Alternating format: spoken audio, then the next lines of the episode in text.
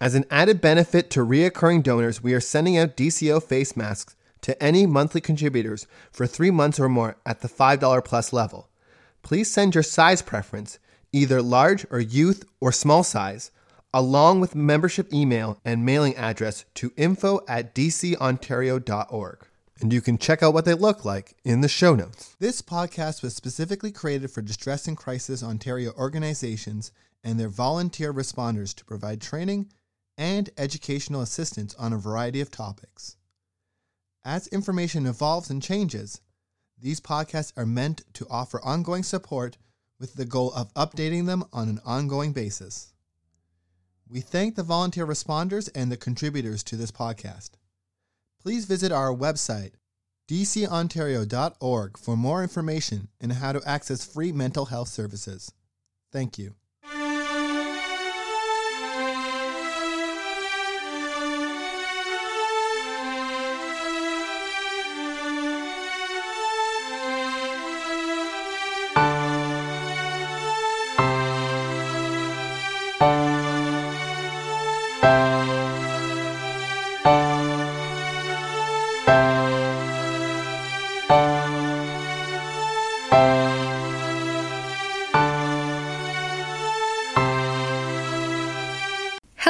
This is Caitlin Plant, Program Manager for Distress and Crisis Ontario, and today I am joined by Jay. Jay is a teacher and a father, and he's speaking to me today about what it's been like going back to school with COVID 19 and just this interesting year that we've had and how things are going. And yeah, we're just going to have a conversation about it all. So, Jay, thank you for joining me. Uh, we're glad to have you. Thanks, Caitlin. Thanks for having me. So, could you please start by telling our listeners a little bit about yourself? All right, so like Caitlin already mentioned, I am a teacher. Uh, I have three school age children, um, and I've been teaching for this is my third full year teaching, just to put that in perspective that most of my teaching experience has been affected by COVID. Um, and I teach uh, in the elementary system as well for that context. So, this has been our second week back, um, the first full week for most schools across the province. So, I guess our first question is just how's it been going so far? I mean, so far it's been going really good. I know a lot of the news talks about uh, increased COVID 19 cases. We've been lucky at the school I'm, uh, I'm in, we haven't had any cases at all. So, it's just been trying to get kids back into the routine of being at school rather than being able to wake up and just jump on their computer. Hmm. Uh, some of the students in my class haven't been back in in person school uh, since the pandemic started. So it would have been March break of 2020. So especially students like that, it's uh, it's been a little more difficult than others, but everyone's trying their best to get back in the routine, get ready, or get used to the new rules, and just kind of find their feet back in the physical school building. But so far, so good. Mm-hmm. I know, yeah, as a mom myself, uh, it's been a little bit interesting having that routine again in the mornings of actually having to get dressed and leave the house. So I yeah, I can I can relate to that. So what was it like preparing for school this year? Did you feel well supported in understanding the new COVID-19 procedures? I know that there was a lot of changes right up to the start day, so just what was that like for you? So preparing for school this year, um, actually preparing the uh, materials for the students wasn't all that uh, dissimilar to previous years. However, yeah, like you said, there was a lot new COVID nineteen procedures. Um, but the school that I'm at, the school board that I'm with, is really good at trying to get that information to us as soon as they could. We had um, we had many meetings prior to school starting about what would be different, what would be similar to last year, uh, different protocols, talking about areas on the field where classes would be, exiting and entering the building, which hallways to use, which doors to use, where we need, uh, where we would get our protective equipment, sanitizer, all, all the stuff that um, was mandated last year was quite similar, but we, we spent a lot of time going over the new protocols, whether that be limiting amount of students in the bathroom or even staff in the staff room. Um, so feeling, yeah, to answer your question, sorry. Uh, yes, I felt well supported. And I know the board and the, the admin team of school I'm at like tried really hard to get us the information as soon as as soon as they had it. I think mm-hmm. just the hampering issue was was getting the information to begin with for people higher up to make the decision about what it was going to be like. Mm-hmm. And it just sounds like that's a lot of information to keep straight as well. It is. It was. It was not a small document that we had to uh, hmm. we had to go over and set up and, and just yeah try to understand in a in a relatively short amount of time. Like we had two two full days of training prior to school starting on it, but like you said, it's a lot of information. So. Mm-hmm. So, we've already covered a little bit that it's been kind of a hard adjustment, especially for the kids. Uh, and I'm assuming, knowing that you have some younger kids, uh, them, uh, what has it been like, both like as a teacher trying to help the kids adjust and with your own children? Um, yeah, it, it's it's been a lot. So I just guess I'm looking for your perspective on, on how it's been for you. Well, start with least my children and my perspective of how they've adjusted to school. So my two older children um, have both been to school before during the pandemic, um, and we've been lucky. My children go to um, a different board that I teach in, and the board where they attend has pretty much kept the COVID protocol as similar to last year as possible, which I think has really helped them um, adjust back. There hasn't been many changes, and the changes that there have been, for the most part, popular ones for the students. Mm-hmm. So it's been nice that they've been able to to get certain aspects of normality back. Mm-hmm. Um, but it's still it's the same same difficulties, I guess, as last year. Or if they're not in a class with their friends, then that means they don't really get to see them at all. So there's that added stress about not being able to communicate or or play with their friends during recess like they would be able to in a normal year. Mm-hmm. And then just getting used to again the the procedures at school and just getting back into the that routine. Um, my youngest child, it, um, they've actually just started school, so this is their first experience of school. Is going into it with all of these um, procedures and safety protocols in place. Mm-hmm. So they've they've not really known any different. So I think the adjustment period for them is more so just a normal adjustment to school, getting used to the schedule and the the classroom rules. Mm-hmm. The COVID stuff is just more of a part of that rather than something separate. Yeah.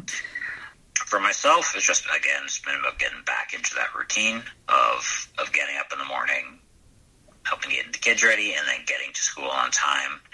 Adding a little bit of, of extra time into my schedule so that if someone's already in the in the staff room printing. I have a couple extra minutes I can wait because we can only have a certain amount of teachers in the uh, staff room at a time. So just preparing that prep in the morning may take a little longer mm. than I'm used to, and trying to work that into my schedule, and then also finding time in the schedule for all the extra the screening protocols that we need to to now complete for every individual student. Um, trying to get that as seamlessly attached to attendance as possible, mm-hmm. but just trying to trying to not make it not a burden, but just a big a big other change for the for the students to come into, trying to let it be as normal as possible and just take up as little time as we can with the um, COVID protocol so we can get back to teaching and learning. Mm-hmm. So with all of this stuff that's going on, have have you noticed there being any more anxiety with back to school this year than there normally would be? Um, and, I mean this from the perspective of whether it's been a little bit more with these complications, whether you felt more anxious about it, if you've noticed more anxiety in the kids. Yeah, just if if you've picked up on that at all, or if it's it's kind of been the normal levels that everybody always feels at the beginning of the school year. All right, so I think for myself, um, Think I'm any more anxious than I would be with the normal the normal school year, but I've had kind of the summer to prepare myself. I know know what I'm walking into mm-hmm. more so than students who found out a lot of it the first day of school. Yeah. Um, so I've noticed that a lot more, obviously, in the the students I teach rather than my own uh, my own children because I see see it kind of manifest itself within the classroom. There's a lot of a lot of questions about new protocols, existing protocols, why they need to be in place, why aren't there more in place for certain areas and less in some. Um, so it's just kind of students trying to trying to understand for themselves why these protocols are in place and just questioning it. Had like several students who are who are very anxious about it, wanting to make sure that I um, really drive home the point. They don't want anyone else touching any of their uh, their desks, their binders, their lunch bags, any materials they bring from home. They want to make sure that it's very separate from other students, just there isn't um, isn't any kind of cross contamination throughout the classroom, or as little as possible, because obviously we do have 20 plus students in a in a confined space. We do the best we can, but there has been yes among students I've noticed a lot more. Um, and some students not not much or not at all, and they're they're adjusting very well to it. Whereas some are, are questioning it, and we just try to try to follow the procedures as best we can without talking about why they're in place. I find if we talk about um, if we talk about COVID much at all, then some students' anxiety gets heightened immediately. Okay. We try to kind of keep that discussions to as minimum as possible Yeah. and just focus on on our job for the day and focus on what we're going to learn and less about um, the protocols or why they're in place. Okay. So my next question was going to be kind of what are some of the ways that you've been helping to calm any anxieties and I guess you kind of answered it there that the most effective one is to almost redirect their focus and bring them back into the current moment and away from kind of their worries. Yeah, I find that's been the most effective means so far. If if we do talk about it, I find that it, it often just spirals down, and those students who are already anxious get more anxious mm-hmm. because there are there are students who who don't appear to be anxious at all, aren't quite comfortable talking about it. But I think maybe their level of comfort almost adds to the anxiety of other students because they're mm-hmm. like, oh well, if I'm so anxious, how come they aren't? Yeah. And then they start second guessing themselves. So yeah, like I said, just find to I find that just reassuring, and then moving on as swiftly as as we can Yeah. is the most helpful way that I've found so far. Sounds like it, it could become very easy for that to spiral. So I can understand kind of wanting to cut it off before it gets to that point. Yeah, So I guess in terms of um, preparing for the future, I guess a little bit, there has been some talk in the news about the fact that cases are on the rise and people aren't really sure what that might mean for schools. So I guess I'm I'm kind of wondering if there is any preparation behind the scenes about if schools are shut down again, uh, and kind of kind of how you personally and, and I'm not I don't want to get you in any trouble here, obviously. Um, but just kind of how you think that that would impact the students. Because we just kind of talked about how anxiety levels are already high, and this kind of added uncertainty, I think, can't be helping the situation for anyone.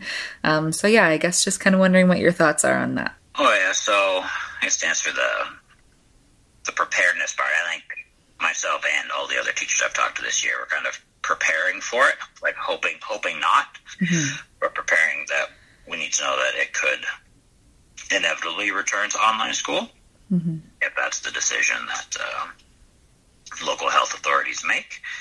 Um, so just trying to to plan out units in a way that you can kind of seamlessly move to an online format or as seamless as possible because it's not really all that seamless as we all know or anyone who has children or has taught knows. There hasn't been any talk yet about a possible shutdown within the school. Um, like we're not getting any information about be prepared it could happen by X or Y date. But I think just because of what's happened in the last couple of years, it's in the back of everyone's mind. And my personal opinion on it, the current model is probably the the ideal model for the moment, where students and, and parents have the option to either let their student or let their child attend in person or uh, via online, and that kind of that allows the not only the children who are more anxious about it, but also the parents who are more anxious about it to offer have that option of their their children attending school online. Mm-hmm. Whereas the people who are the parents who are already comfortable with maybe their their children returning to school, they've already been able to take up that option. And I think we've seen the last couple of years like the massive um, disruption mm-hmm. in learning, especially every time we go from in person to online or online back to in person. It mm-hmm. takes that those couple days at least, more like a week, week and a half, just to get everyone back in the schedule, back understanding, um, understanding the expectations for mm-hmm. that kind of learning type, but also especially for online, getting getting students used to to tech takes time. Right, not mm-hmm. everyone has the same access to technology, so finding ways that you can you can teach a class of 24, 25, mm-hmm. All with different kinds of tech um, and different capabilities from home, whether that be um, internet issues or or maybe they don't have a quiet space they can work, or, or maybe they have like other siblings around that are also trying to use that same device. Just dealing with all that, um, the impact on not only the the students' well-being and comfort, but also uh, their education Yeah. is quite apparent. So I guess kind of following the same topic, but coming off topic a tiny little bit. As a parent myself, I, I think too one of the things that I've noticed with my uh, daughter going back to school is that having been online for so long, she forgot how to talk to people face to face. Uh, it took a long time for her to figure out just how to talk with people again, how to interact with people, how to like have these in person conversations that she had gotten so used to having through a computer screen and through like the group chat and that kind of thing. And, and it was really, yeah, it's been really hard, harder than I expected to get her back in the groove of just being around people. And one of my concerns is that if we do end up having to go online again, all of that progress that we've made back to being like comfortable with that is just going to go directly out the window and, and probably just be even worse the next time. So, yeah, kind of. I, I agree with you that it's kind of a hope for the best, prepare for the worst scenario at this point, and everybody kind of has it in the back of their mind, but everyone's hoping that it won't happen. Yeah, definitely. And, and what you bring up with your own daughter too is you can see that. It's another good point. You can see that in the especially recess time, like mm-hmm. conflict resolution skills have have diminished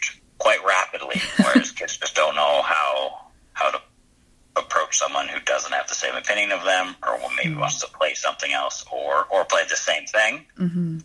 But there isn't enough space for them because let's be honest, most most schools space is an issue right now. If every class has a restricted zone, you're putting a lot of children, some who may or who may not get along the best, into a confined space, and there's going to be conflict. But just um, students, yeah, getting their their social skills back too, which, like you said, of they haven't really needed through a computer screen. Yeah. Yeah, it's been it's been an interesting time for sure. So, on a lighter note, what has been the highlight of the return to school for you and your kids so far? I mean, I think just that, just being back in the physical building, being able to see students, other faculty members, parents, al- albeit parents at a distance, um, but face to face, like getting to to have those like one-on-one discussions with students about like, what you get up to this summer, what was the best part, what's something you're super excited to learn about this year, mm-hmm. and it's just a lot a lot more personal when you're you're in the same room with them mm-hmm. rather than a w- little window on the screen. But yeah, it's just get getting back into the physical building, building those relationships is a lot easier um, with students. I find face to face, and yeah, that's been the highlight for me so far. So, before we wrap up today, um, my final question, as it always is, is whether you have anything else that you would like to share that we haven't already covered. Uh, no, I think we've talked about uh, everything we need to. Perfect. Well, thank you so much. Uh, it's been great having you on the podcast. Thank you for having me. Hi, I'm Damien, one of the editors of the DCO Learning Forums podcast. We are committed to providing the most current and up to date information. With your help, we can make it better. Please consider going to tips.pinecast.com slash jar slash distress dash and dash crisis dash ontario.com or by clicking the link in the show notes. And by donating, monthly contributors will be able to access a special podcast feed. In it, we'll have additional content and some more in depth pieces on some of our most popular topics. Thank you.